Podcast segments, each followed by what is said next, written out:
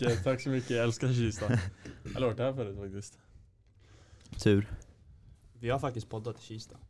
Ni har gjort det? Ja, blev skjutna båda gångerna. Nej, ta det lugnt grabbar, ta det lugnt nu. Jag har aldrig varit Alltså i det Kista var så här bokstavligen.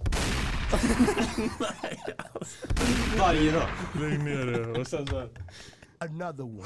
Bara en till. Ja, Another one. got you man. Exakt. Killstreak. Men All right. varmt välkommen Axel. Varmt Kul att välkommen. ha dig här. Varmt välkommen. Hur mår du? Jag mår bra, jag mår bra. Det finns ingenting att klaga på alls från min del. Hur är det med grabbar? Härligt. Det är fint. Det är samma här. Inget att klaga på. Wow, Kaffet kul. sitter bra faktiskt. Nice. 90 minuter efter uppgång. Mm. Den är viktig. Den visste inte du om förut eller? Nej, faktiskt inte. Jo, jag hade koll på den. Jag hade koll på den, men jag har inte gått efter den. Det är ju Huberman right? Ja, exakt. Exakt. Varför har du inte gått på den? Eller- men, eh, som, vi, som vi pratade om lite tidigare, jag, jag, jag känner inte så mycket ut av de här grejerna. Såsom koffein eller carb, Ja. eh, carbs i, generellt då helt enkelt. Så att eh, jag har inte gått ut efter den. ja just det, du kör ju nog inga carbs alls. Men du dricker du kaffe överlag? Ja, jag kör mycket kaffe. Ja det gör det. Jag har en riktig maskin hemma som eh, bara tar ut en kopp liksom. Mm. Fan vad nice. Så jag är en riktig kaffedrickare. Men du var från, eh, vad var det, Karlsborg? Nej, Karlstad. Karlstad. Karlstad. Ja, det, det, det är stor skillnad. Eh, Karlstad är inte så liten stad som, som vissa tror men eh, ja, det är en liten stad. Det är det. Ja. Men, men hur, okej så hur tog du dig hit? Varför blev du inte en rörmokare? ja, det, det, det, det är en jäkligt bra eh, del där, just varför jag inte blir en rörmokare. Ehm, jag vet inte riktigt hur, hur långt bak jag ska gå. Ska jag köra hela vägen bak eller vad, vad känner ni? Ja, det är väl så här, du, så långt, så långt du känner det relevant. ja, absolut. Du behöver inte absolut. veta dina dagis eh, Nej, nej den, den, den lämnar vi utanför. Ehm, nej men det var ju just i gymnasiet som många känner att de inte riktigt vet vad de vill gå. De går ju baserat på vad deras föräldrar säger eller vad kompisar säger eller vad de tror att de vill bli. Många säger jag vill bli advokat eller ja, doktor eller någonting men det är bara för att de, det är mycket lön helt enkelt. Mm. Ehm, så jag valde rörmokare, simpelt jobb. Eh, liksom, du tjänar bra med pengar, du behöver inte tänka så mycket, du har jobb direkt efter gymnasiet. Mm. Mm. Men eh, någonstans mitt i det här så tänkte jag, nej, skolan är inte riktigt eh, min grej liksom. Då hoppade jag av. När, Skolan. när var det du hoppade av? Var det ettan, tvåan? Tvåan. Tvåan på gymnasiet? Tvåan. Det var samma för dig va? Ja, eller så jag gick om ettan. Det var Ja. ettan. Men det var efter andra året. Mm. Så ja. Mm. All right. Ja. och, och vad var första steget därifrån? Alltså efter att du hade hoppat av? Var det, satsade du på rörmokeriet? Eller eh, gick du all in på entreprenörskap redan då? Mm. Alltså det var, det, var, det, var ju efter jag fick min första liksom praktiklön på typ 1500 kronor för åtta veckor. eh, då gav jag upp liksom. Men eh, jag hade ju faktiskt en liten plan på att bygga bloggsidor innan. Där man skulle få lite revenue och omsättning från annonser liksom. Mm. Så det var min plan. Så jag investerade väl 20-30 tusen kronor i det. Eh, när jag jobbade som också telefonförsäljare efter jag av skolan. Mm. Eh, tog alla Fan, du pengar. samma story som mig. det är bara helt sjukt alltså. Det är helt sjukt. Eller också telefonförsäljare. Ja, Men så- fortsätt. Nej, men precis. Så jag, jag tog alla pengar därifrån och investerade i det här. ehm, för att liksom få artiklar, få upp rankning och så vidare. Och så vidare. Och eh, det genererar typ, jag tror efter sex månader, typ nio besökare i månaden. Det är fan stabilt. Det är stabilt. Det är typ några ören tror jag i omsättning. så att, eh, nej. Men efter det började jag med e-handel och sånt. eh, Och det är basically samma sak fast mycket snabbare. Det är Mm. bara att köra igång annonser och så, så dagen efter kanske du har lite försäljning. Ja. Du vet aldrig. Mm. Men vadå bloggsidor? Så du, du, gjorde, du bloggade? Eller? Och sen var poängen att du skulle få typ annonser, andras annonser på bloggsidor. Ja men precis. Jag bloggar ju inte själv utan jag tog personer som skrev artiklar om vissa ämnen. Ja. Så typ hur du seglar en segelbåt med en hand eller vad fan som helst. Liksom. Sådana saker som folk faktiskt söker på. Liksom. Mm. Ehm, så det var sådana grejer vi, vi skrev om. ja. Eh, fast det var inte jag som skrev om dem. Utan det var egentligen mer att jag skulle ranka upp på Google. Liksom. Och därifrån så skulle det bli liksom Google Ads, eh, liksom AdSense på sidan. Mm. Som då betalar typ, vad är det? Några tiotals kronor per tusen visningar liksom. Mm. Så gjorde du bara där så att du hade typ en miljon visningar i månaden och då tjänade du typ 20 000 kronor i månaden. Mm. Hur, hur fan hittar du det? Alltså så här, man brukar hitta typ dropshipping eller forex trading. Hur fan hittar du det här? Ja, det är en bra fråga. Bloggmentor. Ja. Eh, nej, nej men det, det var en väns brorsa som hade köpt en kurs inom det. Eh, Jaha, ofta. Ja, det är sant. Det är Det sant. fanns kurser inom det. Japp, det fanns Ja. det. Eh, så för 3000 kronor, jag kommer ihåg på den tiden tyckte jag jättemycket att han köpte en kurs för 3000 kronor liksom. Mm. Jag bara oh shit, jäklar. eh, så vi kopierade ju bara det konceptet de hade liksom. Ja. Eh, och de tjänade ju redan lite pengar tror jag, typ 6-8 tusen kronor i månaden. Mm. Ut, och det är liksom, det är ju basically truly passive liksom. Mm. Eh, för du behöver bara se till så att dina grejer rankar liksom. Men de Ja. går ju aldrig ner i ranking basically om ingen rankar om dig. Ja. Så Mm. det var där, det var där liksom som så här bara okej investera 100 000 då kommer det vara 10 000 i månaden om två år liksom. Ja. Eh, så det, det var den tanken och det var så jag hittade också. Okej, så men, men det är ju basically så här, om du leder inom nischen av att segla med en hand så behöver du inte röra det så mycket utan du kommer ligga på topplistan. Ja men precis, precis. Man gör ju lite research innan eh, vad så många söker efter men det finns inga relevanta svar.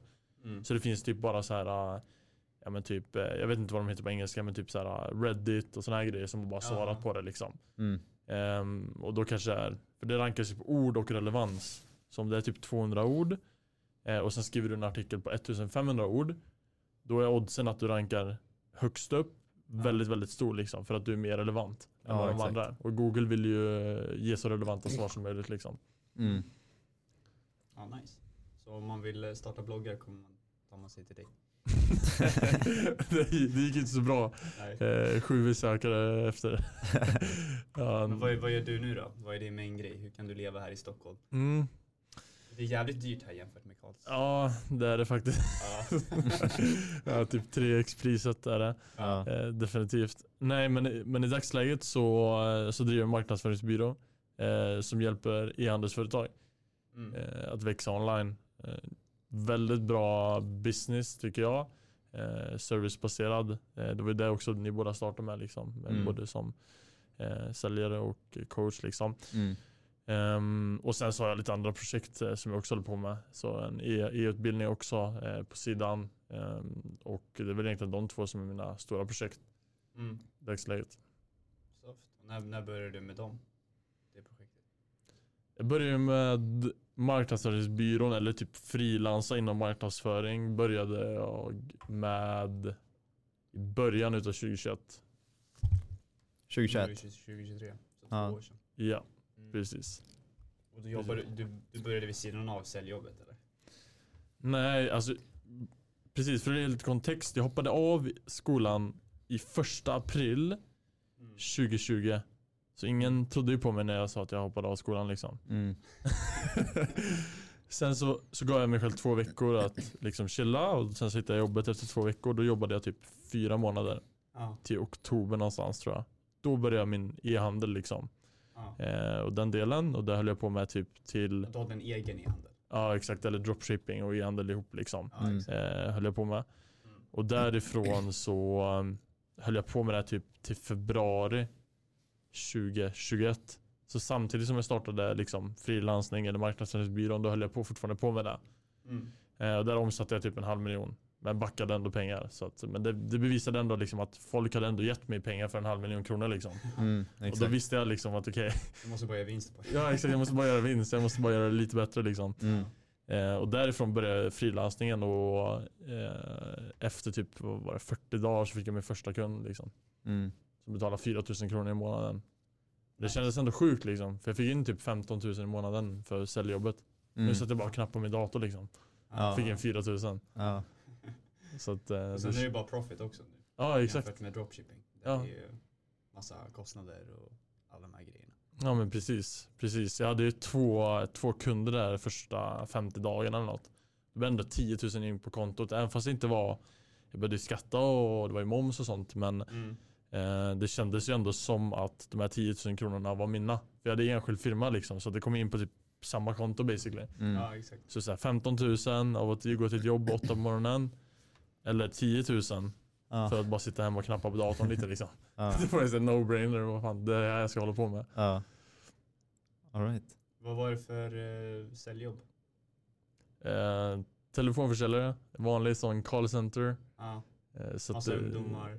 Ja men precis, massa, massa ungdomar, massa ungdomar, folk som eh, kom och gick liksom hela tiden. Jag tror det gick kanske 200-250 personer under de här Jävlar. fyra månaderna jag jobbade liksom. Ja.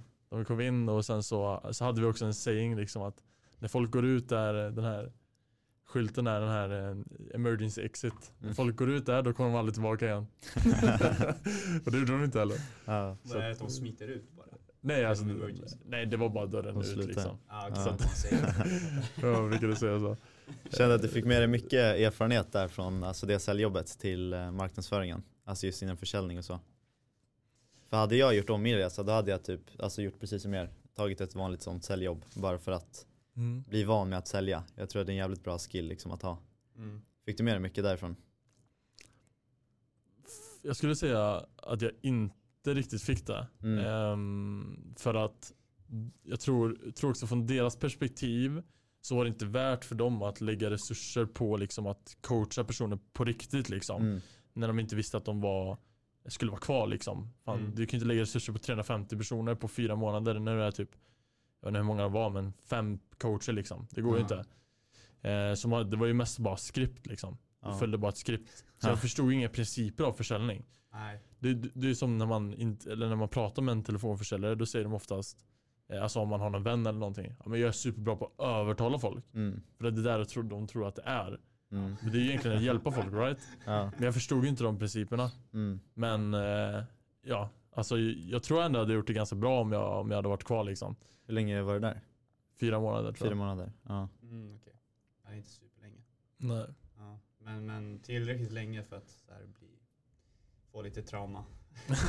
exakt, exakt, exakt. Nej, det var, nej men det, det, det är en jäkla bra experience eh, definitivt. Alltså det är väldigt mycket hustle liksom. Ja. Så här, du måste nå dina KPI liksom, annars är du out liksom. Mm.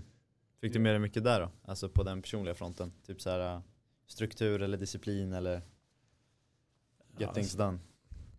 Alltså jag tror liksom sådana där, alltså lite större företag inom så, så, sådär, ehm, de har liksom inte de här principerna in place liksom. Mm. De bara skalar för fort eller liksom har, har eh, fel struktur liksom. Så att det var inte mycket utav det utan det var min egna personliga utveckling under den tiden liksom. Ja. Så jag fick inte med mig så mycket från jobbet liksom som jag kunde applicera senare i livet. Mm. Verkligen inte. Okej.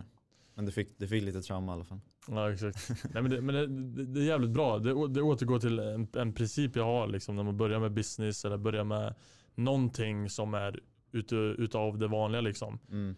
Det blir att du, du springer du är en antilop som springer från lejonet. Liksom. Mm. Det fick mig att känna liksom, okay, det här lejonet är bakom mig. Liksom. Jag, måste, jag måste lösa det här annars kommer jag bli uppäten. Liksom. Ja. Eh, och det fick mig liksom att bara känna fan det här vill jag inte göra. Mm. Eh, jag visste inte vad jag ville göra men det fick mig att veta vad jag inte ville göra. Så Det är ändå bra. Det är ändå framsteg, Andra liksom. hållet. Ja. Ja, definitivt. ja men det är bra, man måste våga testa. 100%. Alltså, om du inte vet vad du vill göra, testa massa skit. Så du som sagt, alltså vet vad du inte vill göra. Så exakt. gör du bara något annat. Exakt. Vad, vad har du 100% lärt dig från att driva eget då? Här personligt, personligt mässigt. Frågan är vad man inte har lärt sig, right? Det också, men det kan jag inte svara på. Nej. Nej, det är det. det, är det.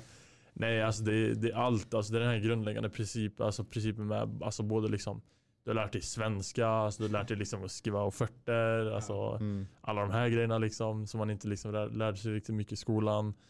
Ehm, sen har du lärt dig alla andra saker liksom som att leda ett team, ledarskap, liksom, alltså struktur, ehm, alltså marknadsföring, alltså massa olika skills, alltså sälj. Alltså det, det, är, inte, det är inte enkelt liksom.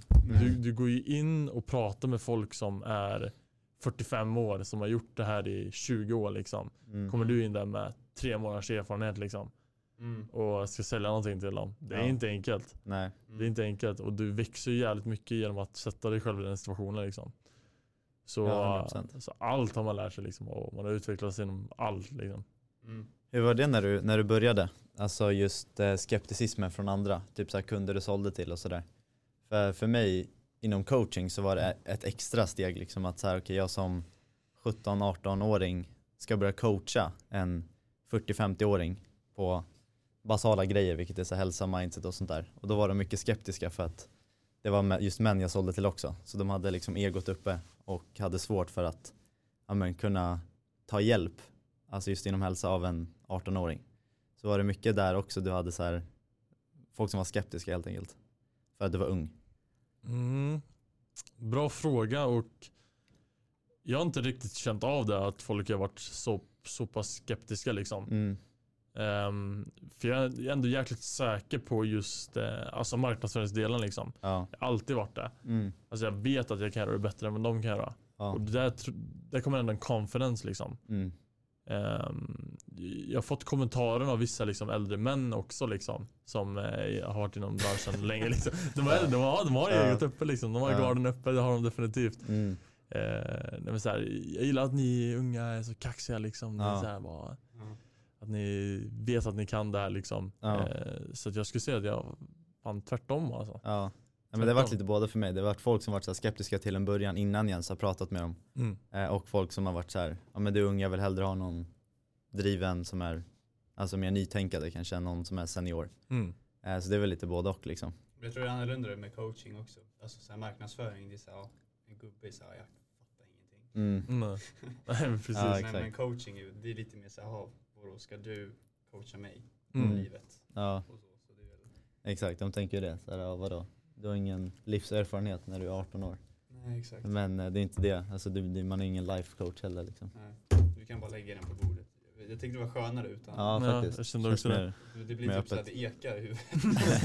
Du, jag, Man tror, jag tror du måste ta din mick lite närmare. Tror du? Ja, jag hör shit jättebra kanske. Vänta. Oh. Slå till mig här. Men typ så här, bara för så här inspirationssyfte, du behöver inte svara Mm. på det om du inte vill, men så här, är du bekväm med att prata om så här, ehm, omsättning och vart du är just nu, kanske jämfört med när du började? Ja, sure. Ja. Så typ så här, okej, du började för två år sedan, Mm. då bodde du kvar i Karlsborg? Karlstad. Karlstad. Karlstad. Karlsborg, är det ens, ett, är det ens en stad? Jag vet Ja, men det är en liten by liksom. Det känns som det. ja. Ja. Det finns alltid, det finns massa borgar Ja. i Sverige. Det finns det. Helsingborg. Ja. Exakt. Ja. Uh, jag tror jag gör så här istället så kan jag bara flytta. Okej, nej men du, okay, så du bodde kvar där ehm, så här första året. För det är också så här, många kanske har en tendens eller att man tror att ja, första året ska jag göra liksom en miljon eller så. Mm. Eh, Vilket kanske händer för vissa. Men så här, hur gick det för dig första året? Med, eh, alltså då talar vi bara om så här marknadsföringstjänster-grejen. Ja, okej. Ehm, nej men det gick bra. Alltså det gick bra. Det var ju, det var ju en seg början liksom. Man kan inte förvänta sig första sju dagarna att du omsätter 10 000 liksom. Mm. Men det var som jag, som jag pratade om tidigare. Jag omsätter ju 10 000 kronor i månaden. Eh, efter typ 40 dagar. Mm. Eh, det kanske var lite längre. Men någonstans där ballpark liksom. Ja. eh, var omsättningen där. Och ehm, sen så partnerade jag ihop med en annan kille. Där typ fyra månader in eller någonting. Mm. Och då så, så hjälpte han mig faktiskt att tappa en kund. Vill du pitcha samma kund? Jag hade 4000 kronor i månaden. Vill du ha 16 000 kronor i månaden? Så vi tappar den här kunden istället. Mhm.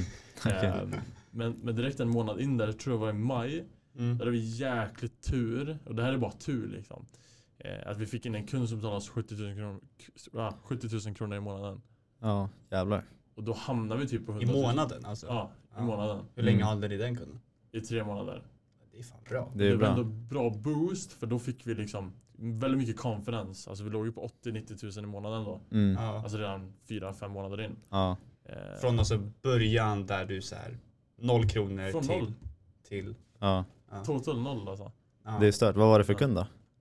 Det var, det var precis då eh, också interesting, alltså i Karlstad, det var då de började så här med elsparkcyklar liksom. Mm. Voi var ju fortfarande, och sådana här grejer var ju fortfarande väsentliga i Stockholm liksom. Ja. Men det kom typ så här fyra sådana här som du kan hyra scooters från i, Mm. i Karlstad till exempel.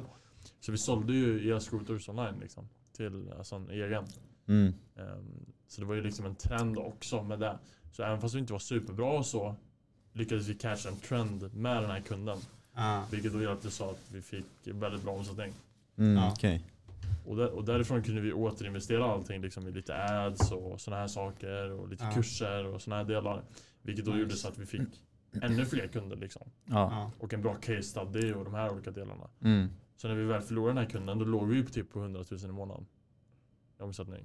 Mm. ja, så det var ändå fine. Ja exakt. Så Ja. vi fick ju någon kund liksom under den perioden som betalade oss 10 eller 20 Ja. däremellan och sen så byggde vi upp oss därifrån. Mm. Så det gick ändå alltså väldigt fort kan man säga. Ja men det gjorde det. det, Ja. gjorde det. Och sen så, så gick det upp och ner lite där liksom under sommaren som det, som det är liksom. Mm. Mm. Ehm, och sen så det fina med att jag har liksom konsulta eller driva en e-handel eller vad som helst är att i slutet utav året så har du liksom julhandel, Black Friday, allt sånt där. Mm. Ja. Så du avslutar alltid varje år på topp liksom. Ja. Eh, så vi, ja, Nice. vi, jag, jag tror vi stängde någonstans på typ 150 000 kronor i månaden i omsättning. Mm. Slutet av året. Ja exakt. Det är bra. Och då är det inga, alltså just med agency också, det är inga kostnader heller för något Nej. knappt. Pre- Precis, men då hade vi tagit in vår första liksom eh, anställda basically också. Så Mm. vi började få lite kostnader där men vi låg ändå på 80-70% vinstmarginal skulle jag säga. Ja. Mm. Ja det är bra, det är bra som fan. Hade du så här, någon coach i början, någon mentor eller var det något ni skaffade senare typ? Så, så det, var, det, var, det var där vi började med. Eh, jag investerade i en, i en kurs eller kurs slash mentorskapsprogram Ja. eh, i slutet utav 2020. ja. Väldigt skeptisk till det i början alltså. ja. Mm. Eh, bara, Den- var dyrare än 3000 antar jag. Ja det var 24 000. Ja. Så det var ju liksom Kolla kontot, 3000 Mm. kronor. Okej, oh shit, hur ska jag få råd med att köpa in mig i den här utbildningen liksom? Mm. Men det, det löser man alltid. Alltså, vill man någonting så löser man alltid pengar till och med och sådana här grejer liksom. Ja. Definitivt.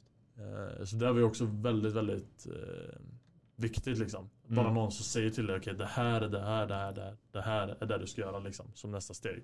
Mm. För jag, för jag, jag, jag trodde ju liksom på det här Elon Musk sa liksom, ja, all information är basically gratis liksom. Mm. Det är sant dock, men ja det är sant, Men- 100%. fan, ska jag gå runt där och kolla på 100 YouTube-videos när alla säger olika saker liksom? Mm. Vilket håll ska jag gå? Jag vet inte. Ja. Ja det är det, det, blir, det är för mycket information idag. Japp. Alltså förut för, jag vet inte, 20 år sedan.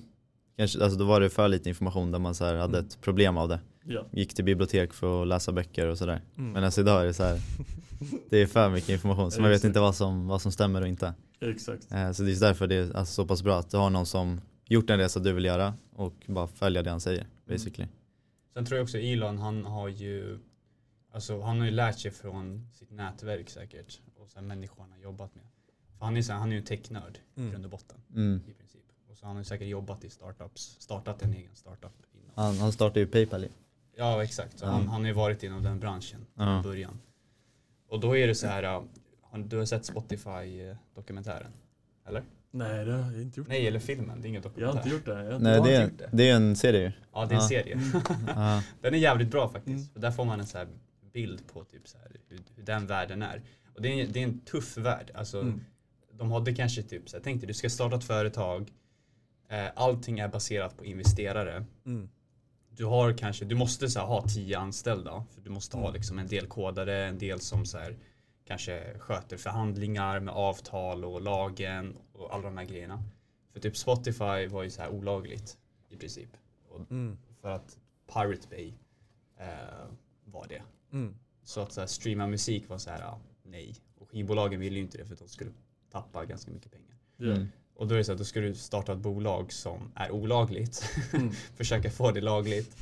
Mm. Eh, du måste ha typ så här, tio anställda för att få det att rulla. Mm. Och det är så här, du blöder bara varje månad på så här, investeringar på, Mm. på andras pengar som inte du har. Eh, och de konstant liksom tjatar på dig så här. Hallå, vad händer? Mm. Ska vi få något tillbaka? Kommer det här bli av? Mm. Eh, så det är en jävligt bra serie tycker jag. För man får en så här bild på så här, okej. man uppskattar att man inte är i techvärlden. Egentligen. Mm. Exakt. Eh, Exakt. för, för att det vi gör, det är så här tjänster Mm. och är inga kostnader och så här det är, Visst, man kanske inte kommer till de här eh, 100 miljoner eh, beloppen. Mm. Mm. Eh, om inte man kanske startar någon, någon form av så här cloud service på vägen. Mm. Men även om du drar in så här, 10 miljoner då är det, så att det är vinst ganska mycket av det. Eh, jämfört med om du typ har en e-handel som drar in Mm. 10 miljoner. Ja. Eh, och då pratar vi bara e-handel, inte ens dropshipping. Så här, Mm. Bara en ren e-handel, du har in produkter och allt det där. Ja. Fortfarande så här mycket mer kostnader. 100 procent. 100%. Nej, jag, tycker, jag tycker det är väldigt intressant liksom. Vad, vad ska man göra liksom? Mm. Eh, jag, jag, jag tycker definitivt att det är väsentligt att starta med en och vi delar upp det i två brackets, liksom cashflow business. Ja. Sen har man value-based business, vilket är ett företag du kan sälja sen. Som Spotify till exempel. Mm. Exakt. Det bygger upp värde i själva företaget liksom. Och det är där många tror, säkert ni också innan ni, innan ni startade med företag, liksom, att ni, Mm. ni trodde att ni behövde komma på en ny produkt. Liksom. Ja, Ja, hur exakt. ska jag komma på en produkt? Liksom? Exakt. Det, allt finns ju redan. Sen ny uppfinning. Ja, exakt. Ja. Det tror man ju ändå, typ såhär, ja men det är företag liksom. Mm. Mm. Men det är ju mer alltså, hur man bygger en value-based business. Liksom. Mm. Och eh, för oss, till slut kommer det inte make sense att oss, för oss att ha så mycket cashflow. Liksom. Exakt. Att, att göra 5 miljoner eller 10 miljoner i, i, i vinst i cashflow om året. Du kan faktiskt typ bygga en e-handel eller starta ett techbolag eller någonting som kanske gör det enklare för coacher Mm. att göra saker i en app för coacher eller vad som helst. Som kanske bara omsätter 5 miljoner. Men Mm. appen är värderad 10 miljoner eller 100 miljoner till exempel. Mm. Exakt. Då, då jämför vi dem. Okej, du gör 10 miljoner per år i vinst i, i din cashflow business. Det tar 10 år för det att göra 100 mil i vinst. Mm. Bygger du en app, okej det kommer ta mycket mer tid. Du kanske inte gör, du kan, den kanske failar och floppar helt liksom. Mm. Men där så... Och där, där lever man inte på det överhuvudtaget. Nej, det här, man precis. rör inte pengarna. Alla pengar växer bara där. ja, men, Så det är också en grej. exakt, exakt. Men där kan du den sälja den för en 100 mil till exempel sen. Mm. Ehm, och det tror jag också är intressant för det öppnar ju de här dörrarna. Om man bygger en, eh, alltså om man börjar jobba som coach eller frilansare eller vad man än gör och så tjänar du tillräckligt mycket pengar så du kan leva på det Ja. och sen kanske outsourca den eller någonting. Mm. Då kan du börja tänka på de andra grejerna. Då har du tid och pengar Exakt. att bygga en app eller vad som helst. Mm. Mm. Och därifrån så kan du ju Och färdigheter, alltså så här, du vet hur, Ja, exakt. business funkar. Ja. Exakt. Inte bara gå från noll. Så här, Mm. Nyss hoppat av gymnasiet. Exakt. Ja, jag har varit säljare. Och bara nu ska jag starta ett techbolag. Ja, exakt. Ja. Och då också så här, då, då behöver du inte ens, för, för jag har sett många sådana, typ Iman är ett bra exempel. Mm. Han, han kan ju ingenting om så här, att koda och så. Mm. Men eftersom han har resurserna så kan han starta ett bolag Mm. som man behöver koda för. Det är så Exakt. okej, han hittar rätt personer som kan hjälpa honom Mm. i princip. Och sen har han också ett nätverk säkert Mm. med investerare. För att han har lyckats ganska bra inom cashflow, Mm. businessdelen. Ja. Det, det ger liksom trovärdighet att andra vill kanske investera i dig. För Mm. att du har liksom en, en rullande verksamhet som drar in ganska mycket vinst. Mm. Mm. Nej men 100 procent. Jag är med på, med på den eh, delen liksom.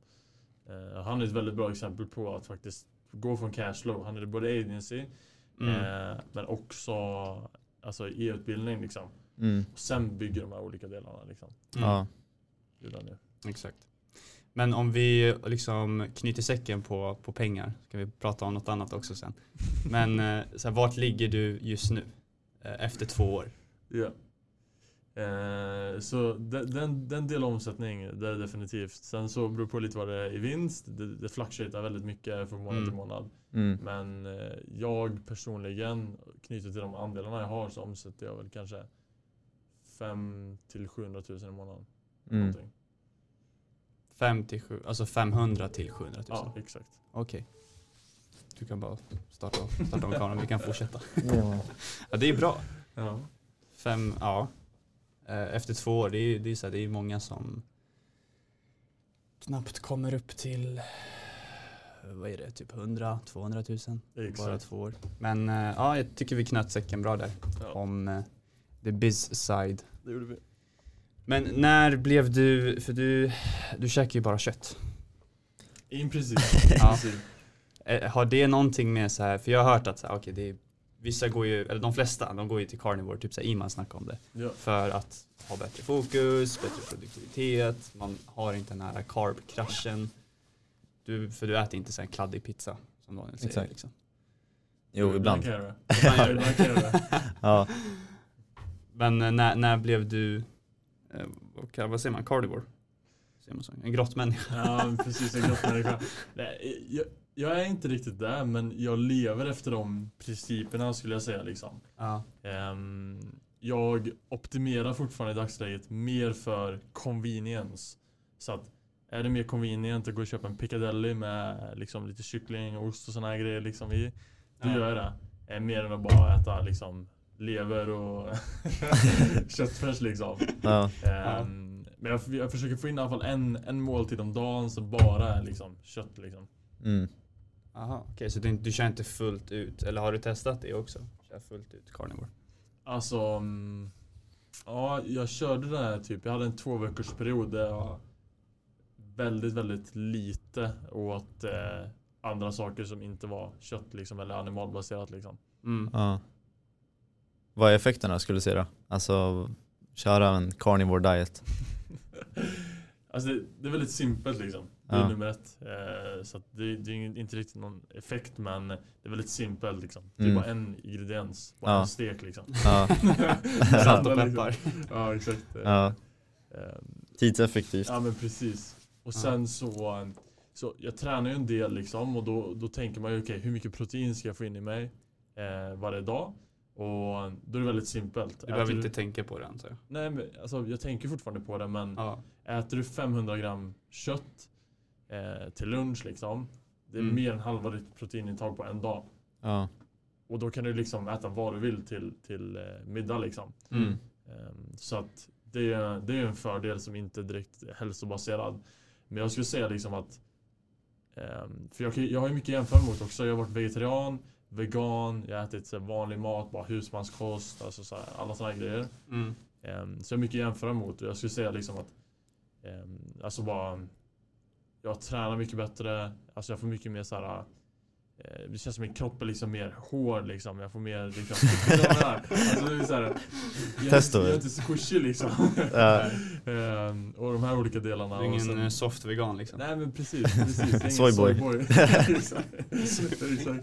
Nej men, ehm, eh, ja alltså att liksom, jag ska bara känna mer energi, alltså alla de här grejerna. Det känns som, jag vill egentligen inte gå in på de grejerna för det känns som alla säger det. Ja men jag är vegan så jag har mer energi, Ja. bla bla bla. Men eh, jag, jag mår bättre och eh, mitt liv är bättre optimerat helt enkelt. eh, Mm. På den här dieten. Varför flyttade du till vegan och, och, och så innan?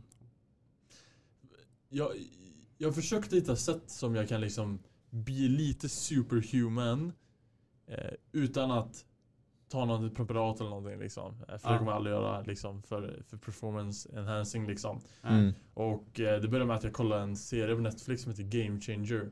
Och då gick Mm. de igenom liksom såhär, ja men vegan, så här, det är superbra, det är bra för blodet och så vidare och så vidare. Är det sån här dokumentär där de så här visar så här djur som typ lever i... Det låter inte så alltså. Nej jag tror inte de gjorde det. Jag tror Nej. inte de Det var ingen sån här anti-kött-serie tror jag inte. Nej, Nej, okej. det, var- det Bra, var det inte. Så de visar liksom så här att romarna, de, ba, de åt basically bara mest eh, veganskt. Ja. Ehm, Det var någon kille som slog något superrekord som var vegan. Mm. Någon NFL-atlet. Typ så här någon jättestark kille som var vegan och här grejer. Ehm, Men det känns ändå som att det är ändå minoritet som är de här top performers som är veganer. Eller? det, det är ju det, när man kollar på det sen. Ja. Eh, För du blir ju väldigt biased till det liksom och du får Mm. ju den vyn liksom om du inte gör någon annan research. Ehm, för det finns, ju, det finns ju en studie som säger att vegansk mat och sådana här saker är superbra. Så finns det någon som säger att det är superdåligt liksom. Mm. Så, Mm.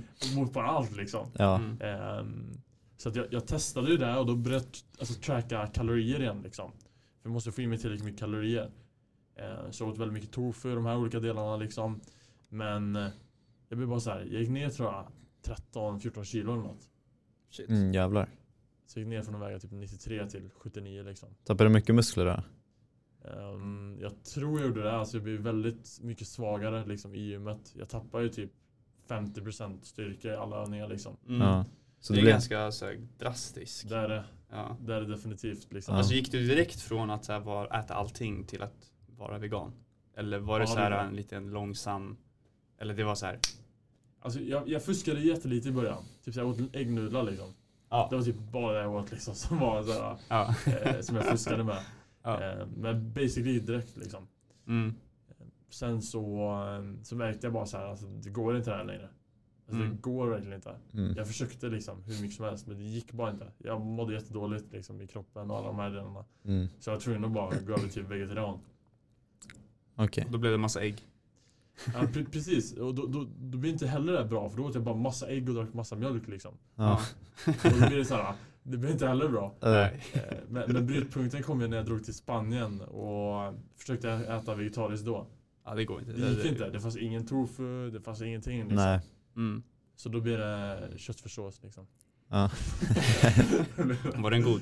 Den första? Ja, ja den, den var faktiskt inte så god till vardags men... ja, Fan vad keft. ja, det var lite. Ja. Så så var det. Men jag tror, eh, konst, alltså mycket missförståndet kommer i det här i att så här, bara för du är vegetarian eller vegan betyder inte att man är hälsosammare. Alltså, man kan ju ta bort kött och det är så här, du kan fortfarande typ så här, bara käka chips. Ja. Du är vegan. Mm. Ja exakt, exakt. Boom, klart. Ja. Du är en vegan nu. Så, så jag tror att minoriteten där beror ju mestadels på att så här, eh, majoriteten mår ju bättre. Så om vi tänker så här, någon ohälsosam grabb som käkar allting liksom. Ja. Om han skulle gå över till att vara vegan då är det så okej du äter mer grönsaker, mer av det där bla bla. Majoriteten av dem skulle må bättre. Mm. Men sen långsiktigt så hade de inte hållit kanske att käka grönsaker hela tiden Mm. exempelvis. Eh, sen tror jag också det beror väldigt mycket på så här, varför man eh, blir alltså så här, vegetarian eller så här, slutar med en viss grej. Mm. Jag tror väldigt starkt på att eh, jag gillar inte att säga tror för att det, det känns som att jag vet mer och mer att vi är ehm, alltså våran kropp är, är ju så här så du vet ju själv, du, du groundar ju dig. Så Mm. vi, vi är ju elektricitet i Mm. princip. Vi, är ju, så vi har ett elektromagnetiskt fält Mm. Eh, och beroende på var liksom inombords, vad är det det här fältet vill ha eh, så kommer det också svara till maten vi äter. Om det makes sense. Makes Mm. sense. Så typ så här, vi säger att, för typ så här, jag, jag har träffat eh, veganer som har blivit veganer på grund av, alltså i samband med att de alltså, ha, har en ätstörning Mm. exempelvis. Mm. Alltså i samband med att så här, de har en ohälsosam relation till mat. Mm. Under den perioden, när de hade en ohälsosam relation till mat så, så blev de veganer. Mm. Mm. Och då är det så här, ja, energin där, alltså så här, din energi till mat är ju ohälsosam från början. Och hon var så här, hon kunde få typ så här, så här blåmärken Mm. Och det tog så här kanske två år eller ett år för henne att läka det. Mm. Det var så här, ja, du, du måste äta kött. Exakt. det, det var liksom min, min tanke till det. Mm. Ehm, och så här, om man, om man blir, så här, vill bli vegetarian eller vegan på grund av performance-delar t- tror jag ändå så här, det, det, det kommer inte riktigt ändra så mycket till så här, vad, vad är det din kropp faktiskt känner att den vill ha. Mm. Så jag, jag, jag övergick för att, alltså inte för att jag såg typ så någon dokumentär eller att eh, någon, för jag, folk har ju sagt det till mig, speciellt vet man, man är på den här spirituella sidan så här, folk säger ja men om du käkar kött så är du inte spirituell, typ så här, du kan inte meditera, vilket här, Mm. är inte sant överhuvudtaget. Mm. Eh, men den övergången hände liksom inte på grund av att jag fick så här utomstående faktorer. Det var inte så här någon performance grej. Det var inte att jag såg någon så här äcklig film om typ så här hur kossor lever. Mm. För det är ändå sett förut och det ändrade inte så mycket Mm. egentligen. Så här, jag vet inte om du har sett de här Anonymous eh, snubbarna, de har varit här i stan typ så här. Ja jag har sett det. De Ja. står med en skärm så här. Så programmerar De har inte bott i Stockholm så länge. Så jag har De brukar stå på plattan. De brukar stå på plattan. Du vet vad Anonymous är, den här Ja, masken? Ja, så det är så en Anonymous grupp, så har de så en, eh, dataskärmar Mhm. eh, och, så, och så visar de typ så här tortyr på, på djur. Mhm. Eh, och så står de där liksom och Ja. tror att det kommer göra skillnad. Ja. Eh, egentligen. Men, men allt det där, så här, det, det spelar egentligen ingen roll. Typ så här, Daniel testade att vara vegetarian eh, i Bali. Ja. Och det var så här, jag tror det var för omgivningen och sen så fort, för där är det ganska enkelt, många är vegetarianer Mm. i Bali för de är Mm. hinduer. Eh, och sen var jag också i den övergången. Liksom. Eh, men så fort Daniel kom tillbaka i Sverige, då är det så här, ah, det är väl ingen skillnad. Mm. Ja. Nej jag, jag kände inte jättestor skillnad på det. Alltså från, eh, från att vara, eller det var typ pescetarian som jag körde i Bali. Mm. Mm. Så det var mycket fisk typ. Ja. Eh, och annars bara vegetariskt. Så det Mm. var inte full, full out vegan liksom. Men sen när jag kom tillbaka så kändes det bara Jag vet inte, bara alltså komplicerat och bara fokusera på att käka veganskt här. Mm. Jag tänkte, ja men fan, jag provar, och- alltså provar också byta igen Mm. eh, och se om det är någon skillnad. Men jag vet inte, jag har inte känt överdrivet stor kontrast Nej. från det. Så ja, jag vet inte. Lägg inte majoriteten fokuset där liksom. Nej. Nej. Men exakt och det, det blir ju så, så här. ehm, om man, vilket säger det, är ing- det är ingenting dåligt, alltså det är skitbra att testa. Här, alla, är, alla är olika. Mm. Eh, men för min del var det så här. Jag kan säga det här argumentet att, ja ah, okej. Vilket jag, jag, jag står för just nu, typ så här, hur djuren behandlas och att så här, det har en negativ påverkan också Mm. på hur vi äter det. Men det var inte därför jag övergick, utan det var verkligen bara att jag käkade kött. Massa kött i Thailand, alltså så här, grill, allting. De har ju det liksom överallt. Mm. Och jag tror att så här, köttet du käkar där är väldigt, väldigt annorlunda än hur köttet är i Sverige. Och vi, man blir typ så här, Du menar att det är sämre där eller?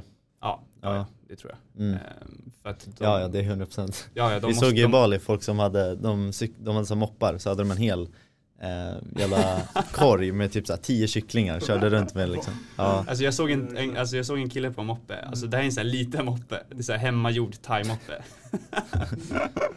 och han har så en kossa, en död kossa bara ligger där bak. Och jag så, hur fan funkar det där? De kör ju fan allting igenom det. Ja. ja jag. En gång blev jag så här, jag blev, jag blev transporterad Mm. liksom med ett bagage. Mm. En moppe och en snubbe och sen ett bagage, liksom, en sån här stor bagage. Jag var fan livrädd. Och jag frågade honom så här, är det lugnt, är det okej, kan du köra? Han bara så här, ja ja no problem. No. problem." Så jag körde igenom i- och tänkte, det här var ju så här Bali, där gatorna är så här, det är ju helt knas. Eh, Ja. Folk kör ju som, som galningar där. Eh, Det var en annan snubbe, han hade 10 hundar på sin moppe. Som stod på moppen. ja, det där är helt sjukt. Ja. Jag har sett fattar inte. bilder av dem. Ja, det är det är en skill alltså. Ja, Eh, och de 100%. kraschar inte. Alltså, Nej, inte som mig och Erik. Nej. men men det, det jag kände där, eller så här, det, var, det var lite som att jag Säg så här, du äter kött i Sverige, man blir kanske van med det. Så jag är uppväxt så. Mm. Så mitt mönster är att så här, ja men Man äter kött och så här, du, du, du äter din mat generellt här i Sverige och du Du är inte så närvarande med maten, du kanske tänker på typ så här 10 000 andra saker i Mm. princip. Ehm, och jag tror de flesta de vet inte vad de äter. Och jag menar inte så att de behöver veta vart det kommer ifrån och alla ingredienser. Jag menar så här, vet i att så här, du känner maten. Alltså du är här med maten. Mm. Och så här, du vet vad du äter genom att det går in i din kropp Mm. i princip. Så jag märkte av typ så här, ju mer, alltså jag käkade massa kött i Thailand och det var så här.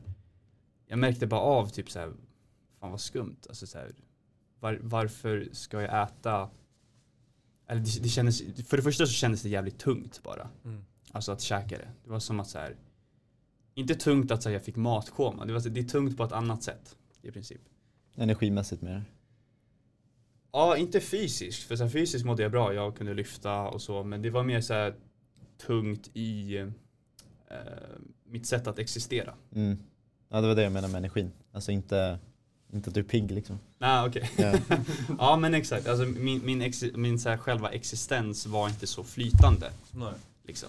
Eh, var inte så, så här, mottaglig eller så här, rörlig, kreativitet. Alltså de här grejerna. Det var mer liksom, liksom Mm. mer materialistisk materia om man Mm. säger så. Eh, så jag, jag började känna av att så här, jag, det kändes bara tungt att käka det och sen så faktiskt började jag mer liksom veta vad är det jag äter.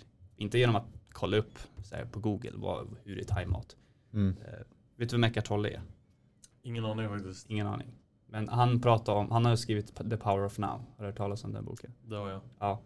Så han pratar om att eh, för många så här eh, extrema veganer som är så här varför säger du inte att alla ska sluta käka kött? Det är ju jättebra för den spirituella världen och alla de här grejerna.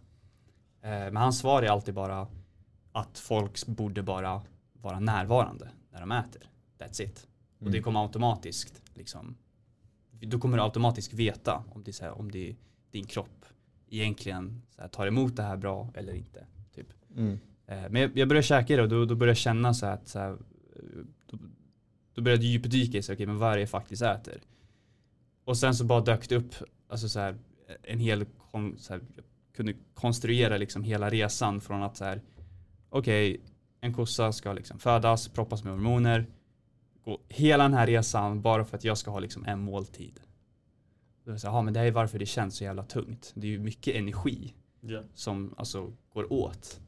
Alltså, så här, jorden har ju, hela jorden är ju en viss form av energi egentligen, som vi egentligen förstör. Men det är mycket energi som går åt till att växa det här djuret.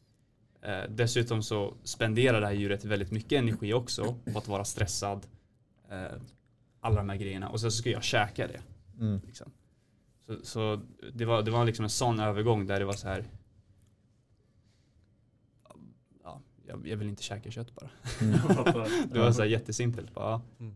no, makes no sense. Jag vet inte om det makes sense för dig eller som du kan dra någon koppling för du groundar ju ändå. 100 procent, 100 procent. Jag, jag är fullt medveten om det där. Och ehm, jag kan också hålla med. Mm. Eh, basically 100 procent också. För det är också en stor skillnad på kött och kött liksom. Ja, Eh, det är som du säger, alltså, jag vet inte riktigt hur det funkar i andra länder och sånt men en kossa kan ju basically bli bara raised in, i en, bara en box liksom. Mm. Men sen så finns det också kossor som är ute på Alltså sån wagyu liksom, det är ju vanlig kossa liksom. Ja. Som är Ja, wagyu på är massage och fin, får eh. jazzmusik och såna här grejer. Ja. får de jazzmusik? Ja, de får ju musik och allting liksom. De får massage och Ja. eh, äter, äter bara gräs och såna här grejer liksom. För Ja. det är också viktigt, okej vad, vad är det de äter också liksom? Mm. Vad, vad är det den maten gör till oss liksom? Ehm, och många kossor äter ju så här spannmål liksom. Mm. Det är ju sojbaserat liksom. Mm. Mm. Vilket gör så att kossan blir det Ja. också. Jämfört med om de bara äter gräs. Äter de bara gräs då går de runt och bara groundar varje dag liksom. och, och bara äter, äter Ja. så liksom. Ehm, Och då kons- det är inte så att när en kossa gör det då konsumerar inte kossan energi utan för du vet ju själv när man Mm. groundar det är plötsligt att du, du, du liksom du och jorden blir liksom harmoniserad och blir, så här, skapar energi mm, snarare än att konsumera exakt. energi. Mm. Men ja, fortsätt. Nej, nej, nej men precis. Så att jag, jag är mycket med, med på, den, på den biten liksom, och det är det jag försöker optimera för. Ehm, jag, jag anser inte det är värt för mig att sitta och bara stå och laga mat varje dag liksom. Nej. Bara för att vara 100% så som jag vill att det ska vara. Mm. Ja. För det, det handlar ju om att återigen optimera lite för convenience också. Men det är någonting som jag definitivt ska göra, som jag, som jag tror mycket på. Liksom, att, att få allting från en farm liksom. Eller Ja. en bondgård. Alltså mjölk, eh, alla de här olika delarna. Mm. För kollar vi bara på, på allting som finns i Sverige liksom. Du, du, du får inte tag i mjölk som är raw liksom. Nej. Nej. Ingenstans. Nej, det är svårt. Jag har försökt kolla överallt. Ja. Du måste åka ut till en bondgård och, och bara ta direkt från kossan liksom. det är sant. Och suga från, suga från titsen. Ja exakt. Du, du måste göra det för att eh, få det här råa. Mjölken ska ju vara mycket fettigare. Det ska ha så här lager Exakt. av, av fett i sig, eller hur? Exakt. Ja. Men det är ju liksom, allt handlar ju om business liksom. Mm. Japp. Så här, du kan pasteurisera mjölk om du går och åker till Spanien och Italien och sådana grejer. Det är mycket mer vanligt. Då ser du massa mjölkkartonger som står ute liksom. Mm. Alltså bara inte i kylen. Ja. Det är bara för att de ska kunna hålla liksom en, två månader liksom. Mm. Men rå mjölk, det vad håller det? Sju dagar kanske? ja. Det makes ännu, ännu mer sens på den biten liksom. Vi hittade mjölk i Bali som höll typ så här två år. Ja, jag sist det. Det det. Från affären. Det, det stod så utgångsdatum så här 2027 typ. Där man bara, fan. Och det var inte ens i kylen, det var bara så här ute. Det- det- Ja, det- exakt. Det var skumt alltså. För mycket medel där. Ja, de var fishy. Men det är det, man vill ju hellre alltså göra det men det är också så här, som sagt convenience. Alltså det är ju ändå energi och tid att lägga på det att åka till en bondgård, hämta allt, göra det 100% rätt. Ja. Eller vad man ska säga. Men så här, man kan ju gå till en slaktare, eh, wagyu, kött. Kan man, Ja. kan man ju liksom, så här, om man köper det själv, det är inte så dyrt jämfört med om man går på en restaurang. Mm. Alltså jämförelse. Nej det är det. Men det är ju, det är ju alltså 100% mycket bättre. Men Mm. man, det är oftast generellt en vardagsmässigt, man pallar inte. Nej, Det är väl det. Mm. exakt. Eller pallar och pallar men det beror på vad du prioriterar. Mm. Vart du lägger din tid liksom. Ja, det, det beror ju på som jag sa, alltså, så här, om du inte själv upplever vad det är du äter liksom. Mm. Faktiskt upplever allting du äter. Eh, och bara konstant liksom är i ditt huvud på andra saker. Mm. då finns det ingen motivation eller någon anledning för dig att så här byta eller Mm. så här ändra på det du käkar. Jag säger inte att så här, om du mediterar med din mat så kommer du bli vegan. Mm. Men du kommer definitivt tänka på att okej, jag kanske ska köpa bättre kött. Ja exakt. Och det är, så här, det är en stor framsteg, bara det. Mm. Liksom. 100%. För att om folk liksom bara mindlessly kon- konsumerar eh, den här lågfrekventa köttbiten. Mm. Det påverkar ju också oss. Så här, det vi äter, alla våra celler består ju av det vi äter. Mm. Om vi inte äter något, så här, mer än kanske, vi klarar oss ganska länge utan mat, men vad är det, 60 dagar kanske. Så försvinner alla celler från kroppen. Alltså vi, vi förmultnar så till slut så blir vi skelett. Mm. Så allting går iväg. Typ så här, vatten är någonting som, här, jag testade filtrerat vatten här i Sverige för man kan inte göra det i, i Bali. Då är det så här bara plast. Ja. Så här, plastvatten du, du dricker. Mm. Det, alltså, så bara typ så här, två dagar av att göra det, så här, jag mår så jävla bra. Mm. av filtrerat vatten. Mm. Av så här, rent vatten. Ja. För att vi består av 70% vatten. Mm. Jag. Har- Gör du det? Filtrerar vatten? Nej, jag gör faktiskt inte det. Jag, jag har gjort det länge alltså, mer än ett år tror jag. Mm. Men det är bara en, du behöver inte göra det värsta så här kondensera vattnet och sådär. Du behöver inte vara en kemist liksom. Nej, Men det, det finns ju så här vattenfilter, så du bara tar kranvatten och så går igenom en litet filter och sen Mm. häller du i glaset. Det är fan bra tips faktiskt. Ja, testa hur det känns Mm. egentligen. Typ så här, märker någon skillnad. Egentligen så här, Sveriges vatten är rent men det är fortfarande så här lite kemikalier och sådana grejer som kroppen behöver jobba liksom för att få bort. Mm. Så filtrerat vatten, det är som att så här, ja, det här vattnet går direkt in i ditt blodsystem. 100%. Och det där är jäkligt intressant med vattnet liksom. Mm. Vi vet att vatten i USA och sådana här saker, Mm. det är inte lika bra som i Sverige liksom. Det är annan filtreringsprocess. Men jag som rörmokare, jag har ju sett vilka rör vårt vatten går igenom. Ja, Och det är skumma rör. ja. Jag tänker, de tar inte, de tar inte upp rören som vattnet Nej. går igenom. De tar Nej. ut dem kanske vart 30 år eller någonting. Mm. Mm. Det är klart det hamnar grejer där liksom. ja. Visst det går via filtrering och sånt, så, och sånt. Men jag tror att vi har minimalt med så här mikroplast och sånt i vårt vatten. Men vad är det som inte kan filtreras? Exakt. Och det där det intressanta kommer. För jag, jag köpte ju sån eh, San Pellegrino liksom. Italienskt sånt nice vatten liksom. ja. Ah. Ehm, och drack det bara några dagar liksom. Jag, of course, jag kände stor skillnad. Ah. Eh, för du har ju alla vitaminer, alltså det går ju i jorden liksom. Du tar Mm. med sig alla vitaminer upp liksom och sådana här saker. Utmaningen med att dricka bara vattnet från kranen. Den största utmaningen, vad jag tror, Mm. det är alla tjejer som går på preventivmedel. Deras liksom öst, östrogen och sånt kommer ner i, alltså det går ner i vattnet liksom. I Jaha. toaletten och ner så. Och Mm, från- det liksom. Från att de pissar. Ja exakt, Ja. exakt. Och det går direkt upp i vår kropp. För det, hur, hur filtrerar man det? Hur Ja. filtrerar man någonting som är så litet? Det går inte. Mm. Det är omöjligt liksom. Fan vad sjukt. Gotcha, ja det makes sense. Och, och kolla bara på declinen liksom i så här sperm quality, i så här Ja. testosteron, allt sånt där. Mm. Ja. Det är, jag tror det är mycket linkat till det alltså. Det är nog många faktorer tror jag. Ja det är jättemånga faktorer. Men jag, jag, jag, absolut, det är många faktorer, men jag tror att det är en, en extremt stor faktor. Mm. Det, det är någonting jag inte hört. Alltså jag har hört typ Nej. såhär, ja, skärmtid, eh, att män kollar för mycket på porr, det Mm. sänker vår test. Alltså såhär, Mm. Alla de här grejerna har man hört, men jag har aldrig Ja. hört det där. Nej, det är så här, what? Ja. det, det, det makes level. sense right, eller hur? Ja. Eh, och jag, tror, jag tror definitivt att det är så. Eh, för att det, det finns andra grejer också. Som Mm. inte kan filtrera bort. Liksom. Mm. Vi bara sitter och filtrerar vattnet hela tiden. Liksom. Det kan inte vara optimalt. Nej exakt. Nej men så testa en sån här vattenfilter alltså, skulle jag säga. Så då är det så här, det är en extra filter, filterpatron Ja. som filtrerar, filtrerar vattnet lite extra. Ja, det, det är skillnad, det smakar lite annorlunda. För jag tror att den innehåller också Mm. så här lite salter va? Ingen aning. Ja, det enda jag tycker om är att det blir så jävla kallt. Du ställer den, du ställer den i kylen Ja så, just det. så det känns bara fräscht. Jag dricker ljummet vatten från kranen. Ja. Men, Men, så istället för att din kropp ska filtrera så Mm. gör det lite enklare liksom. Mm. Vad tror, ni vad tror ni är det som sänker testo mest då i samhället idag? Alltså det som är the main thing. Alltså det är så mycket. Alltså Ja. du vet Huberman snackar om att det är luren. Luren Mm. har en stor påverkan. Själva luren i sig. Ja, Mm. speciellt när den blir varm. Ja, och att den ligger i fickan vid ballen. Exakt. Ja. Ja, det är mycket.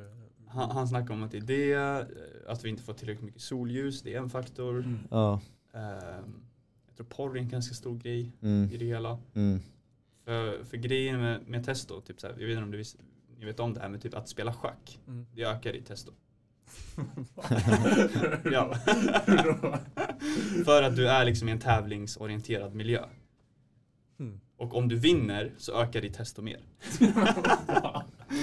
ja, så, så testo är egentligen, det funkar också genom evolutionen för oss män att så här, överleva eh, och kunna alltså så här, överkomma saker i princip. Så vi får testo av att vinna. Mm. Ja. Ja, det makes sense. Ja, men, men så om du kollar på porr, det känns inte som att du vinner. Nej. Nej, det Det det. Kanske när du var 15 år, men, men sen efter ett tag, det blir så här, du, du, du, du känner inte att du vinner och det är för att du saknas ju. Du får, eh, du får så här vissa dopaminkickar och, Mm. och, och substanser Mm. av, av det. Men det är mycket som saknas för att du har inte den riktiga intima, jag tror det är oxytocin, som är så här att du får av rikt, riktig så här, kontakt. Närhet. Ja. Oxytocin ja. Exakt. Ja. Det, det får av riktig närhet och så här, man får ganska stor överflöde. Liksom så här, ja men du vet efter liggmyset Mm. exempelvis. Mm. Det är varför man tycker om det. Ja. Liksom. Eh, om det var ett bra ligg liksom. Men, men det är en annan sak. Men, eh, men man sa, alltså, den biten försvinner totalt när du bara liksom wankar. Mm. Så att jag, jag tror att det är en stor faktor. Mm. Nej men 100 procent. Det, det, alltså kolla bara på de här eh, killarna som liksom lever ute i djungeln så här. Som Ja. är så helt bort från reality liksom. Mm. Mm. De kan ju vara ute och springa så här tre timmar i rad liksom. Ja. Så här, jag som tror att jag är häl- häl- hälsosam liksom. Jag kan, kan springa 30 minuter liksom. Mm. Ja. Med så här, bästa skorna och allt. så här. så det är någonting de Och de gör är som- barfota. Ja exakt, de kör barfota liksom. Ja. i djungeln liksom. Mm. Det är inte så att de har en running track liksom. Nej. Eh, Och, och baserat på, okej, de, de måste göra någonting som vi, vi inte gör liksom. Mm. Mm. Vad gör de liksom? Men det är mer, de är ju mer connectade med naturen. Ja. Basically, det är ju vi som bor i Stockholm som är mi- mindre disconnected liksom. Men det är också det att de har en eh, tribe. Ja. Jag tror det är också en viktig grej. Så Ja. vi, har, vi har blivit så jävla isolerade Mm. i princip. Mm. Där så här, vi vill flytta bort från vår familj. Vi Mm. vill inte vara med vår familj. Där Mm, är det så- tvärtom. Där är så här, allting är familj Mm. i princip. Så där får de så här, du, du får exotocin, är det som man uttalar det? Oxytocin. Oxytocin. Av din familj. Mm. Liksom, så här, konstant hela tiden. Eh, Medan när du bor i storstäder, vilket också är så här, jag vet inte varför det blir så, men det är så här, du äcklas typ av dina föräldrar när du är 15-16. Mm. Eh, lite grann så här, du pallar inte hänga med dem typ. Och, Mm. så här, ja, en puss på kinden, nej, bort, bort med dem. Mm. Men jag tror inte det är så i den, alltså om man kollar på folk i. Nej. Nej, det tror jag inte heller. Intro. Välkommen tillbaka efter en paus. Men eh, vad var vi inne på? Testo. Ja, Mm. det var det. Har du gjort ett testo-test? Det vill jag fan göra. Typ. Jag har aldrig gjort det. Så här, skicka in blod och grejer. Jag har aldrig gjort det. Tycker vi borde göra det. Mm. Alla vi tre. Se vem som har högst. Ja, det är ju nice, för den som har högst kommer få mer testo sen. Ja. Den har vunnit. Positiv spiral. Exakt. Ja. Ja, men som du vill öka det testo, kör, kör schack. Gå in på chess.com. oh, shit, alltså. ja. Men det är så här, om du, varje gång du vinner, typ så här, säljjobb, det är typ så ganska mycket testo. Om, om man säljer bra. Mm. ja, Och om man jobbar med bra säljare. 100 procent. Så, så ja. Men, men grounding, hur känner du att det har gett en effekt? Hur ofta groundar du? Jag kör, ehm, jag försöker köra varje dag. Eh, Alltså, Det är fan bra. så, så fort du inte har på dig dina foot prisons, Mm. då groundar du automatiskt. Även fast du är inne och går och, och sådana här saker. Det handlar om hur mycket du groundar, right? Ja. Ehm, så jag försöker i alla fall göra typ tre, fyra gånger i veckan där jag går ut på gräs liksom. Ehm, typ går till Ica utan skor ibland. Uh, liksom. Barfota? Ja. Ja, nice. Fan vad vilken kung eh, alltså. så att, eh, Så att man ser liksom dig Axel gå in i Ica där, barfota. Nej, okej, li- lite respekt har jag. Jag tänder med mig dojorna, eller liksom flip-flops liksom. De sätter jag Ah, på okej. mig när jag går in på Ica liksom. Okej okej. Mm. Jag tror inte det är bästa grounding eh, förutsättningarna på Ica liksom. Nej. Men Men eh, nej, jag upplever, alltså jag, jag var iväg i, i Skåne ett tag nu och, och, och bara liksom åt kött liksom och basta och bara bada i havet. Och, Jag tror jag såg det på någon story. Ja, exakt. Det var med eh, Leo, var Leo Rinkan med? Nej, han var inte med. Han var inte med. Petter, Petter Peyron var med. Okej. En, en vän till mig. Ja. Så, eh, och då gick vi ju runt liksom och bara så här. För det bästa stället att grounda är ju i vattnet liksom. Är det?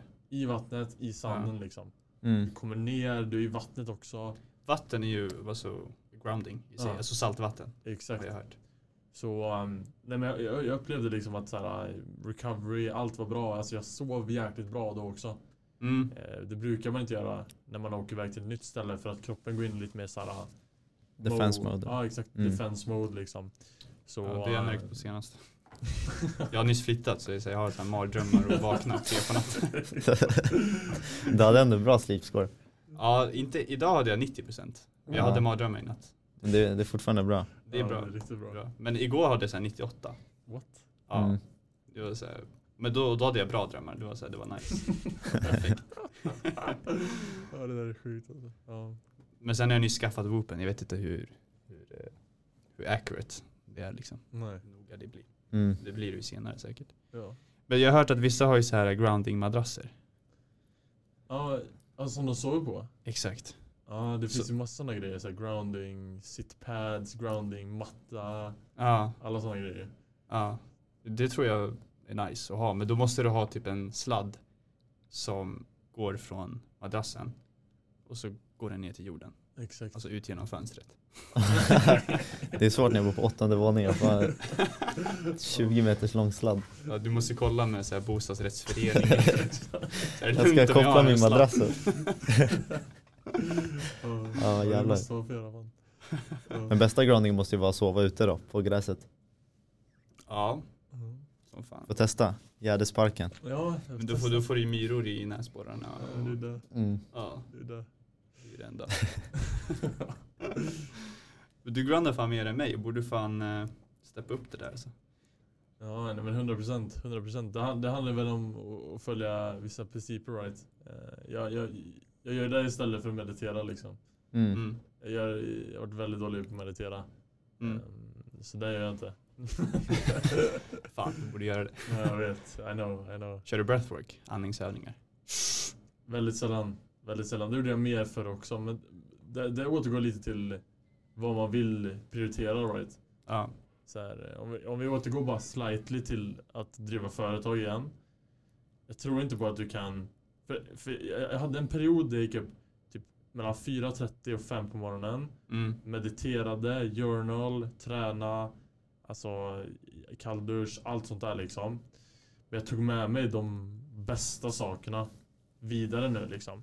Ja. Som jag fortsätter göra liksom. Vilket är basically the basics liksom.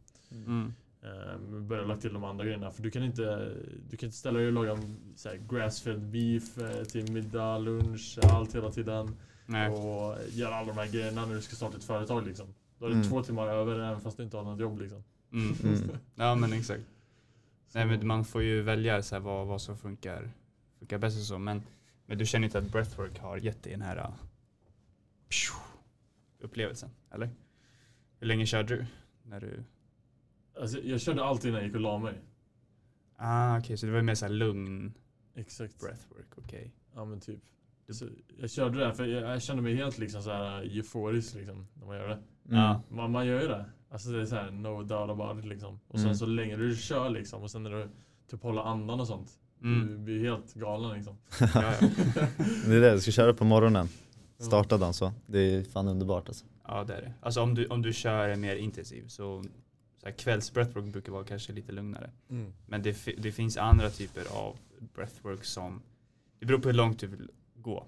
Alltså det, jag vet inte om du har sett min, min TikTok där jag pratar om det. Det, det har jag gjort. Då är, ja, så du, du kan ju gå liksom till DMT-världen och astralprojekta och vara utanför din kropp. Då, men då är det väldigt, väldigt intensivt. Och det, är så här, det är ingenting du gör på kvällen. För då är det så här, du är helt liksom, vaken när det kommer tillbaka. Mm. Eh, färsk liksom. Mm. Men eh, annars finns det så kanske så här, typ, jag kan skicka några, typ så här 10, de är typ 10-20 minuter. 100 procent. Eh, och så kör man det på morgonen och det är så här, du får igång eh, dina hormoner eh, mycket, mycket fortare. För att varför Huberman säger att du ska dricka kaffe typ 90 minuter efter att du har vaknat, det är för att din normala så här, eh, uppvakningssystem, det naturliga, ska kunna jobba Mm. liksom, utan, utan kaffe. Mm. Eh, för att det i sig kommer göra att du kommer naturligt kunna somna enklare också. Mm. Så det, det är kopplat liksom. Ja. Så om du dricker kaffe direkt när du vaknar, då fuckar du bara den. Mm. Och då blir det också svårare, även fast du kanske bara dricker en kopp direkt på morgonen. Du kommer fortfarande ha det lite svårare att sova den kvällen. Precis. För att det naturliga systemet har inte du vaknat, vaknat upp. Mm. Men breathwork är såhär, du, du, du, du vaknar till direkt om du kör en, en sån som är till för att så här, vakna, vakna Mm. till. En sån morgon breathwork. Sen kolla in i solen har jag märkt, det är sjukt. Alltså nice på morgonen. Bara få solljus på sig. Och alltså sungazing, du kollar in i solen på morgonen. Jag brukar köra typ fem minuter. Så inget överdrivet långt. Men det är också så här, alltså jag blir tio gånger mer piggare av det än kaffe på morgonen. ja, 100%. Alltså det är så här istället för att säga du vaknar, du kollar luren. Det första du gör liksom. Hamnar i någon så här, uh, kolla mail eller vad som helst. Kolla Ja. TikTok. Det blir så här en dålig spiral från hela dagen. Men det börjar så här, kolla, kolla in i solen, få lite solljus. Du är klar liksom. Kör lite breathwork. Dunder. gör du sånt eller? Alltså kolla in i solen. Jag, jag, jag gjorde det förr. Eh, Mm. återigen, det är en sån grej som jag har valt att inte riktigt fokusera på och ta med mig liksom. Mm. Eh, men det är väldigt peaceful liksom, vad jag kommer ihåg av det. Att så här, Mm. man blir liksom, ja, men jag, jag har bara kört de sista, vad är det, en timme på dagen liksom. Ja, solnedgången. Ja, solnedgång. det, är, det är också bra. Ja. Ja, Men det är eh, perfekt. det, det där är jäkligt viktigt, alltså så här, till och med de som lyssnar på det här kommer säkert finda sig själva att de inte ens har tagit ett djupt andetag idag. Alltså ett andetag de har tänkt på att ta. Mm. Precis. Eh, och det är bara sjukt. Ja, Liksom, eh, så här, jag, kan- jag kan finna mig själv på kvällen bara shit jag har inte ens tänkt på att ta ett andetag, bara ett liksom. Ja. ja. Eh, ja men så här, väldigt medvetet bara Typ Mm. en sån menar du liksom. Exakt. Mm. Och, um, nej, men eh, jag brukar gå ut på balkongen på morgonen liksom, ta lite solljus, bara andas lite. Och, Ja men det är soft. Så här, Ja. du, du kan så här, käka din frulle på balkongen. Och Mm. då har du så här, solljus, du får det gjort, du har din frulle. Jag vet inte om du kä- om du käkar frulle, om du nej, skippar. jag kör ingen frulle. Ingen frulle, okej. Ingen frulle på Ja men kaffet eller vad du nu än... Vad, vad du nu Kaffe blir det. Ja, Snus. okej. Morgonsnusen där på, på balkongen liksom. Exakt. Eh, och det är också det, när du kör breathwork på morgonen. Du kommer vara mer medveten om din andning automatiskt under Mm. dagen. Så du kommer märka av typ så här, att du kanske stannar upp med andningen. Eller typ så här, i vissa stressade situationer att du typ håller för andan. Din mage kläms, alla de här grejerna. Men en grej som vi inte tränar på, det är ju så här våran andning. Mm. Och om man tänker efter, ju mer vi tränar på det och vi blir bättre på att andas, eh, desto bättre blir vi på att typ existera Mm. i Mm. princip. För om du slutar andas totalt så dör du, Exakt. kollapsar du. Så många som typ har ångest eller så här, är deprimerade har definitivt, för det är också så här, 80% av alla människor andas inte korrekt. Det är statistik på det. Mm. Vi, alltså, vi människor, vi kan inte andas korrekt. Nej. Kom Mm. igen. Exakt. det, det, är våra, så här, en, det är vår viktigaste. Vi kan klara oss utan mat och vatten rätt så länge. Ja. Men vi kan inte hålla andan mer kanske än fem minuter. Ja. Då, då kollapsar vi, då dör vi. Mm. Eh, men många som är, har mycket ångest eller är mycket stressad och om ni som kollar eller lyssnar kanske känner att ni upplever det just nu. Troligtvis beror det också på att er andning inte är liksom bra, inte Nej. korrekt.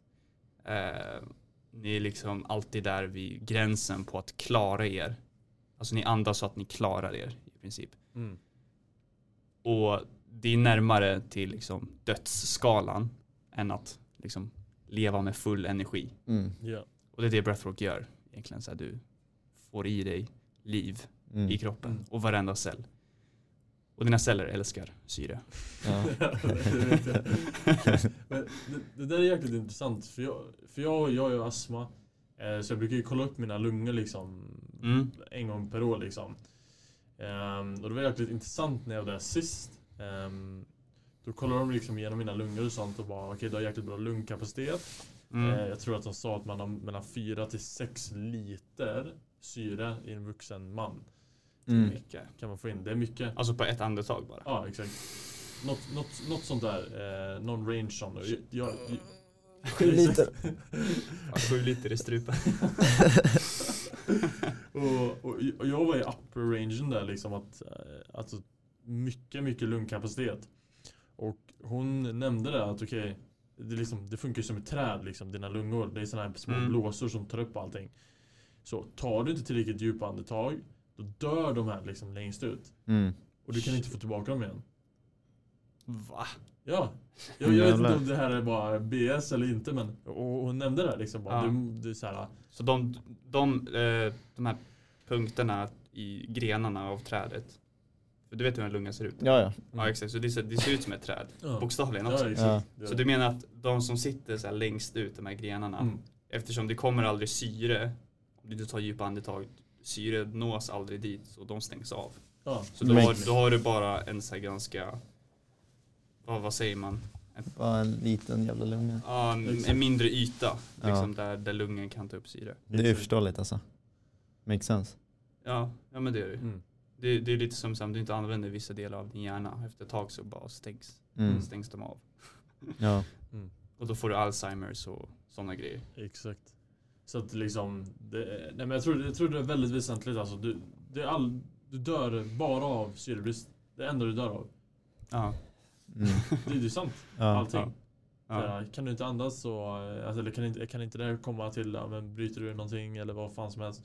Så kommer inte syret dit det ska, men då dör du liksom. Mm. Mm. Så det är ju liksom till allt. ja, det är ju sant. Så om du, typ ett revben sitter helt fel, typ så du, när du kraschar, Mm. då, då kan du liksom dö på vägen till sjukhuset fast du inte Exakt. blöder eller så, men bara att revbenet sitter på Ja. ett konstigt sätt. Exakt. För, ja, jag hade ju en sån när jag vaknade upp mitt i natten och jag kunde inte andas här. Ja. När var det? Nyligen? När hade var när typ- en Det var typ ett, ett år sedan. Ja. Det Mm. var det sjukaste jag varit med om i hela mitt liv alltså. Mm, Hade du någon sömnparalys eller vad? Nej, alltså jag, jag vet inte vad det var så här. När, när jag åkte hem till mina föräldrar och, och sov där. Ja. Så fick jag ont när jag andades. Mm. Ja. Och um, det gick bort när jag gick ut och sånt liksom. Men sen så bara så sket jag i det och så sov jag där en dag till i rad. Mm. vaknade upp på natten och bara kunde inte andas. Shit.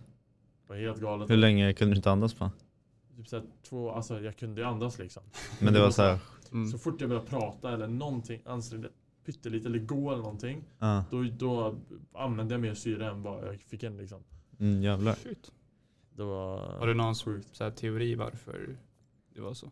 De, de sa att det var så här, ja men astma grej liksom. Mm. Men grejen det är också en sak. Jag tror inte att jag har astma. Jag tror inte någon har astma. Ja. Jag tror bara att det, det är fel biome man bor i liksom. Mm. Det är sant. För att jag, när jag åker till Spanien eller utomlands eller vart som helst. Har jag ingen astma typ basically. Mm. Mm. Men så fort det blir vinter här i Stockholm liksom, eller nej i Sverige menar jag. ehm, Då blir det knas. Ja. Mm. Jag tror också starkt på det. Så du menar lite som jag pratade om tidigare, så att vi, vi är typ energifält och när du var hemma hos dig, det energifältet var kanske tungt. Och det gjorde att så här, din andning, är det så du menar? Typ. Eh, jag tror inte det. Nej. jag tror att det har någonting med så här typ, eh, ja, jag vet inte, air quality eller någonting att göra. Ja.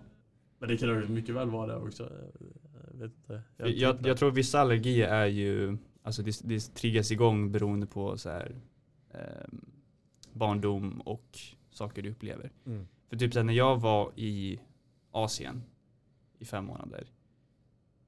Jag nös aldrig, hade aldrig så här rinnande näsa. Men så för grejen är, jag har varit uppväxt hemma och då har så fort jag har rinnande näsa så har min morsa alltid varit så här. Du måste ta allergipiller, du måste ta allergipiller. Du Mm. kommer få astma sen och du vet alla de här grejerna. Ja. Och jag har varit såhär, nej nej nej, fan jag låter det vara. Men ändå så här, hon har alltid sagt så att eh, varje gång jag, jag liksom varit snorig sen jag var liten och varit så här. Du har pollen, du Mm. har allergier. Mm. Liksom. Jag har vägrat och trott på det. Alltid. Mm. Vilket jag är ändå tacksam för, för annars kanske det hade bara blivit mycket, mycket värre. Eh, för egentligen allergi är bara att din kropp svarar på någonting som egentligen inte är skadligt. Men den gör någon slags överreaktion Mm. egentligen. På typ damm eller eh, pollen eller vad det nu kan vara. Mm. Men sen när jag var i Asien, jag märkte inte det. Det var så bara naturligt. Jag kunde andas helt fine. Eh, var inte du också rädd att du skulle få så här värsta pollen? Nej det var inte pollen, det var, jag, är också, jag har förkylningsastma. Mm. Så det var en gång jag var i Turkiet, minns inte hur gammal jag var, kanske var 10, 11, 12. Och då var det också en sån där kväll. Det var så sjukt fuktigt där också, eh, så jag tror att det var det. Så ja, det var sjukt svårt att andas. Det var så här panikkänsla liksom. Mm. Så jag var rädd att det skulle hända i Bali också eftersom att det är så fuktigt där. Men eh, det var, det var fan fine alltså. Det var inga problem Men så, när du var i Turkiet, du var där med din familj. Ja, Mm. Det är det. det är den. där har vi det. Ja, nej, jag För Bali är ännu fuktigare. Ja. Där var det inga problem. Men där var du inte med din familj, du var inte liksom i det här uh, mönstret eller det här energifältet. Mm. Och jag märkte det här när jag kom tillbaka i Sverige. För att så fort jag kom tillbaka, eller först åkte jag till Berlin, jag var där typ två dagar. Jag nös hela tiden. Mm. Jag fattade inte varför, det var så här varenda lilla grej, så jag hade nysattacker. Mm. och sen kom till Sverige, samma sak. Nysattacker, så här, bara, bara så fort jag byter, om jag går från att vara ute till att jag går in till gymmet, så får jag nysattacker av att vara i gymmet. Mm. Mm. Eh, och hela den liksom körvan. Och sen så börjar morsan igen hålla på liksom. Mm. Du måste ta allergitabletter. Ja. Oh, shit. Så det, det är min teori i alla fall. Mm. Att så här, ja, eh, omgivning påverkar också. Typ så här, vad, hur, hur vår kropp reagerar på saker. Mm. Eh, och den grejen. För att så här, när jag var i Asien hade jag inga problem. Nös inte överhuvudtaget. Och där Mm. är det så här asfuktigt. De måste ha hur mycket pollen som helst. Mm. Mm. Det kanske inte är samma pollen. Det är ju det. Nej, Så min kropp reagerar på en viss typ av pollen. Eller damm eller vad det nu kan Mm. vara ja. egentligen. Ja men 100 procent. Men jag tror att nu har vi tagit upp mycket så tankar liksom. Du, du tänkte så här men um, min sån här svårighet med andningen kanske var energier. Jag tänkte att det var mer logiskt sett. Eh, och, och de här olika delarna liksom. Ehm, slutsatsen som, som jag tänker på är det är väl egentligen bara man creatar sin egna reality liksom. Mm. Ja. Det du tror på, det är så det blir också. Ja. Exakt. Så du tror att ja, men det här är på grund av energi eller är på grund av omgivning, då bli, kanske det blir så liksom. Mm. Ehm, och samma sak med, med de andra grejerna liksom. För det är samma sak där liksom. Mina föräldrar har ju sagt så här, men du måste ta små medicin, bla bla bla, du måste ha med dig den här och så vidare och så vidare. Mm. Då tänker man på det här kanske när man är med dem liksom. Ja. Exakt. Ehm, men när man är själv eller så här, som jag har sagt till mig själv nu, jag har sagt att okej när jag är utomlands då har jag ingen astma. Mm. Ja. Jag kanske fortfarande har exakt samma förutsättningar